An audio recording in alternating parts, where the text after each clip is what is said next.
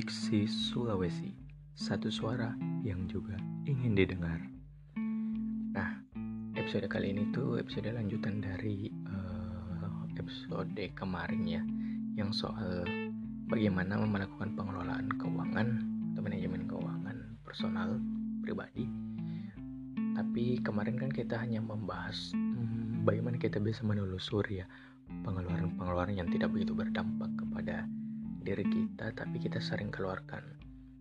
Atau sederhananya kita bisa katakan pengeluaran-pengeluaran yang tidak begitu penting ya tidak begitu urgent. Di kemarin kita uh, membahas tekniknya bagaimana caranya kita menganalisa pengeluaran dan pendapatan agar bisa stabil. Nah khusus khusus untuk kali ini episode sekarang kita akan membahas soal investasi itu jadi lanjutannya maksudnya karena kemarin kan kita membahas tuh hmm, biaya biaya ya kalau bisa pengeluaran dalam satu periode tertentu kita bisa minimalisir. Nah, sekarang bagaimana kita menggunakan kelebihan dari pendapatan tersebut tuh yang tidak kita gunakan dalam satu periode tertentu atau satu bulannya. Jadi seperti itu ya, sisa dari kelebihan dari pendapatan ini yang tidak kita pergunakan, kita mau apakan? Misalnya kan kita simpan sebagai dana darurat seperti yang kita bahas kemarin, atau kita investasi. Nah, ini pilihannya. Jadi sekarang kita bahas investasi. Nah, jadi kalau hmm, dalam istilah keuangan ya, secara garis besar, menurut saya investasi itu bisa diartikan menjadi dua, dua bagian.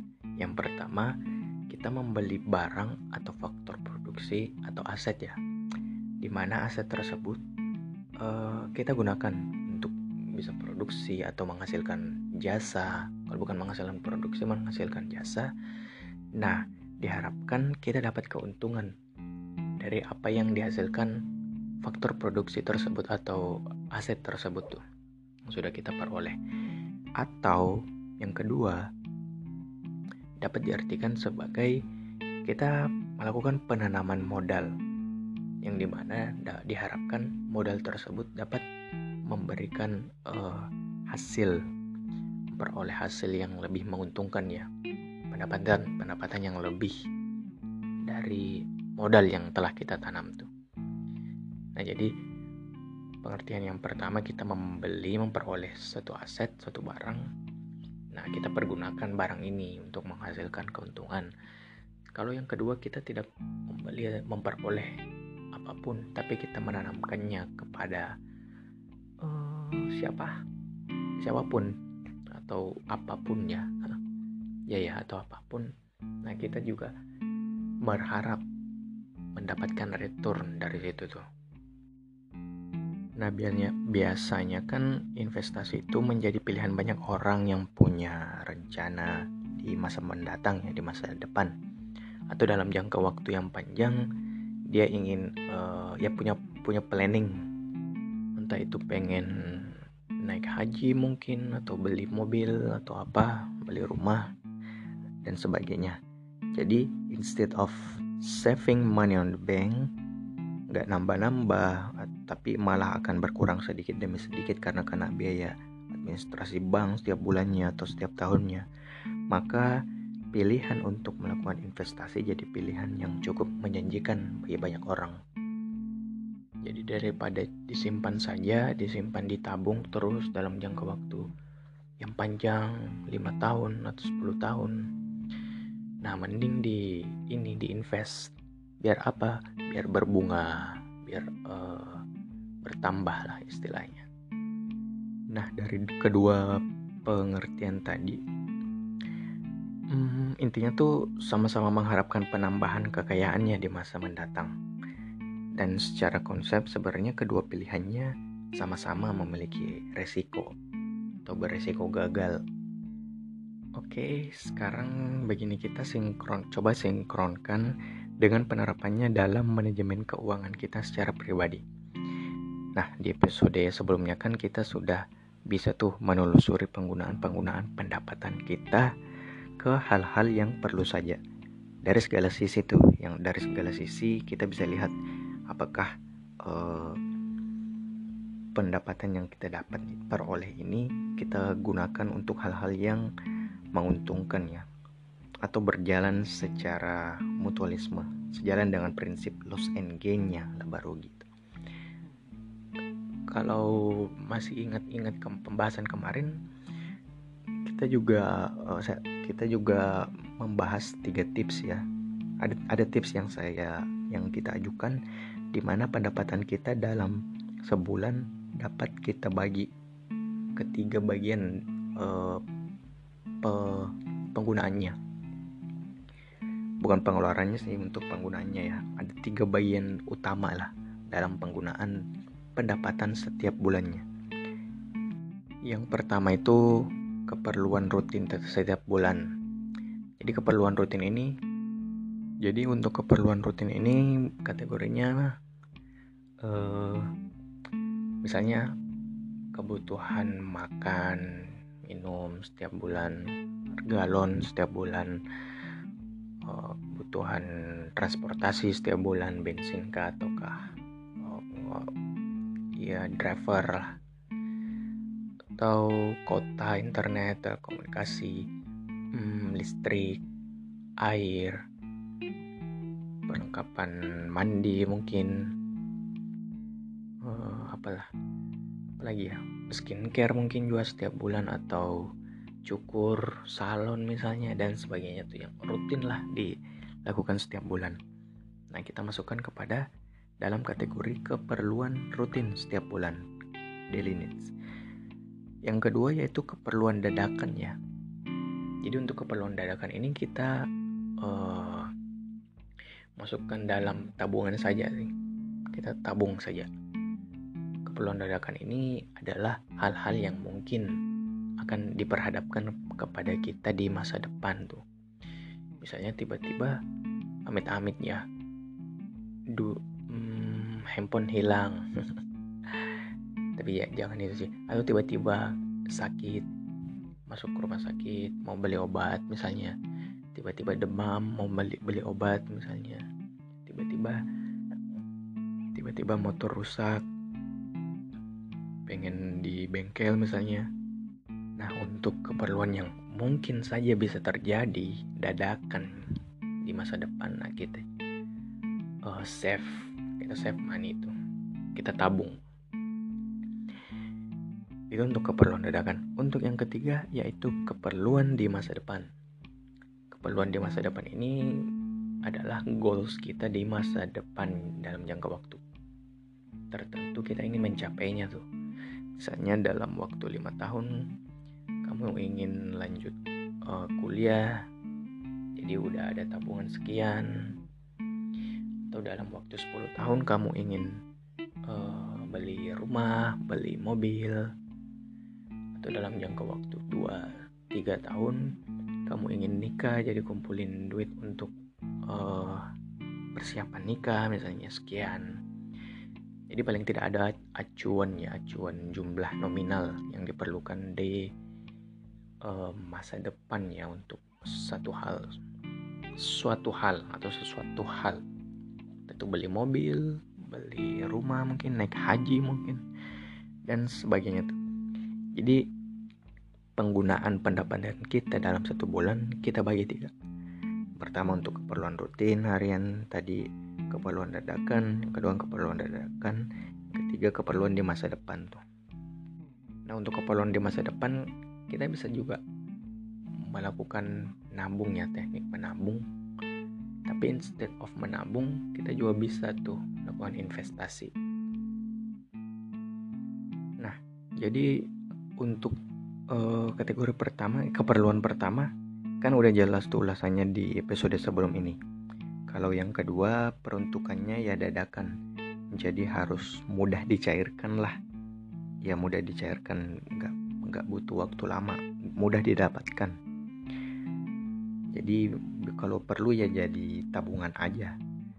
Yang ketiga nih itu berupa keperluan masa depan. Jadi bisa uh, keperluan yang kayak tadi yang beli mobil mungkin biaya haji umroh beli rumah biaya nikah dan sebagainya. Jadi nggak perlu cair-cair amat sih. Nggak perlu terlalu liquid kalau bisa dalam beberapa tahun ke depan tabungannya bertambah atau berlipat ganda tuh. Karena kan kalau kita menabung ya uh, tetap ya atau bahkan kena biaya administrasi di, kalau kita simpan di bank. Jadi instead of menabung we can do it and investing. Nah jadi investasi itu tujuannya untuk apa?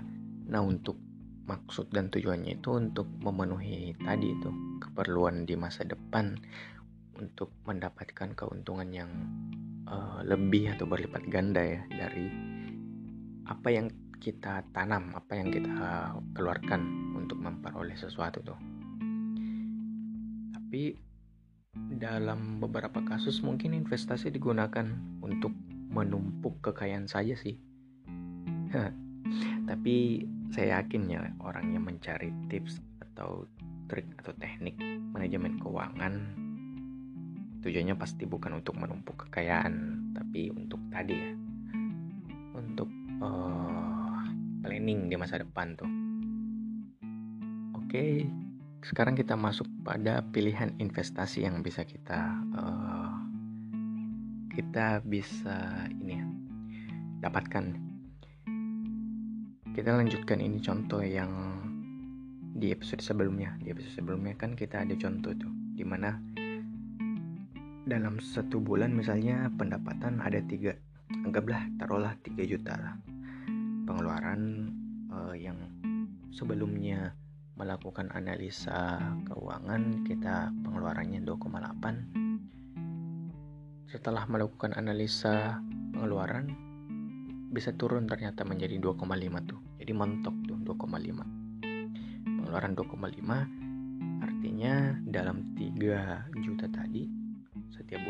harus dikeluarkan 2,5 nah yang bisa di save itu cuma 0,5 aja tuh atau 500 jadi ini untuk di keep bisa ditabung bisa diinvest.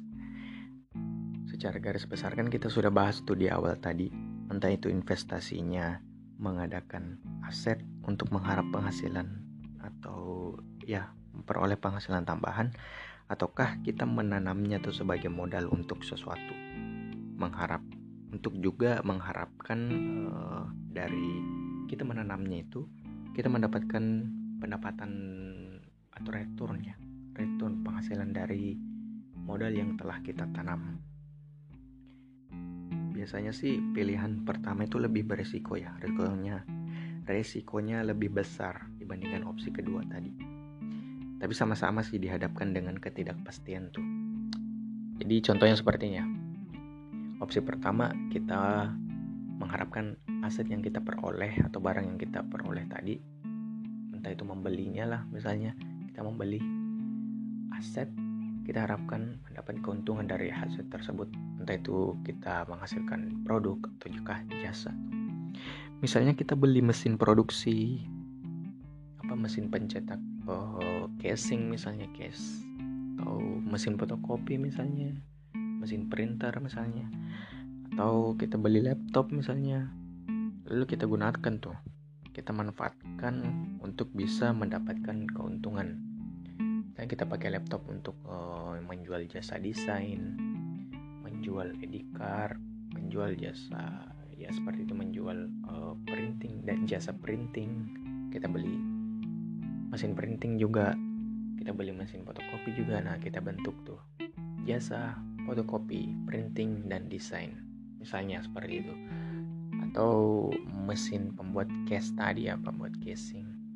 Dan lain-lain sebagainya lah. Opsi kedua yaitu kita menanam modal di mana kita mengharapkan uh, modal tersebut dapat memberikan perolehan yang lebih. Ada return tuh dari uh, modal yang telah kita tanam. Nah, modal modal ini bisa berubah berubah berupa surat berharga tuh. Biasanya tuh surat berharga. Atau kita bisa menanamnya di wadah peer to peer lending ya. Ada yang mungkin ada yang pernah coba atau atau ini reksadana mungkin juga. Atau kita menanamnya ke usaha teman atau kerabat tuh. Kalau opsi satu kan ya risikonya lebih besar ya cenderung lebih besar dari opsi kedua tadi. Karena opsi pertama ini tuh perlu banyak pertimbangan. Selain uh, pilihannya ada ya banyak ya seperti tadi misalnya mau mesin apa mau beli mesin apa digunakannya untuk apa misalnya. Terus pengelolaannya juga bakal jatuhnya di tangan kita sendiri tuh kita harus mengelolanya sendiri tuh melakukan pemeliharaan juga untuk e, barangnya atau asetnya. Kita juga mengelolanya sendiri itu untuk menghasilkan sesuatu. Jadi kita misalnya kita membuka jasa desain ya kita mendesain sendiri. Kalau nggak mau desain ya kita pekerjain orang di mana kita juga mengeluarkan biaya tapi kalau opsi kedua nggak terlalu ribet. Karena di opsi kedua ini pertimbangannya terkhusus pada tempat kita ingin naruh modalnya di mana tuh? Misalnya seperti di kita taruh modal di perusahaan A atau perusahaan B. Kalau pakai reksadana pertimbangannya mungkin uh, ya manajemen manajer investasi A manajer investasi B dan lain-lain. Kalau nanamnya di usaha teman atau kerabat dekat atau keluarga kita perhatiin aja uh, tingkat sur survivability-nya tuh jadi usaha tersebut apakah si apakah uh, bisa bertahan lama ataukah uh, ada jaminannya menjamin menjamin ini operasionalnya menguntungkan memperoleh keuntungan apakah pemilik usahanya ulet, tekun dalam mengelolanya. Kalau menjanjikan ya silahkan coba. Jadi kita bisa taruh di situ menjadi surat berharga di reksadana mungkin manajer investasi surat berharga itu di perusahaan. Reksadana di manajer investasi uh, tanah modal di kerabat dan teman ya pemiliknya langsung. Semua pilihan itu ya semua pilihan itu tuh tergantung dengan kapasitas diri kita dan jumlah modal kita ya yang available ya jumlah modal yang available. Tapi untuk investasi dengan jumlah tidak jumlahnya itu apa ya, tidak terlalu banyak. Tapi semuanya sih. Semua yang disebutkan tadi itu sepertinya sekarang tidak memerlukan banyak ini ya banyak uh, modal untuk memulainya tuh. Misalnya reksadana mungkin sekitar 50 10 ribu bisa tuh sekarang. Kalau saham dan obligasi 100 ribu lah 50 100 ribu mungkin sampai 1 juta. Atau peer to peer lending peer to peer lending ya bisa satu jutaan juga mungkin sampai 5 juta. Kalau yang ketiga tadi uh, yang menanamkan modal ke teman nah ini yang perlu banyak juga. Pasti nggak mau sedikit. Karena kan ini langsung usahanya tuh di modali nah berhubung dengan contoh tadi kita uh, hanya available 0,5 aja it means 500an dalam setiap bulan. Jadi kita pilihan investasinya nggak bisa uh, menjalankan bisnis ya eh menjalankan bisnis menjalankan usaha dari pembelian aset seperti membeli mesin mesin printer, laptop dan sebagainya. Kita juga nggak bisa mengambil pilihan yang ketiga yaitu menaruh modal yang banyak dalam jumlah banyak ke teman.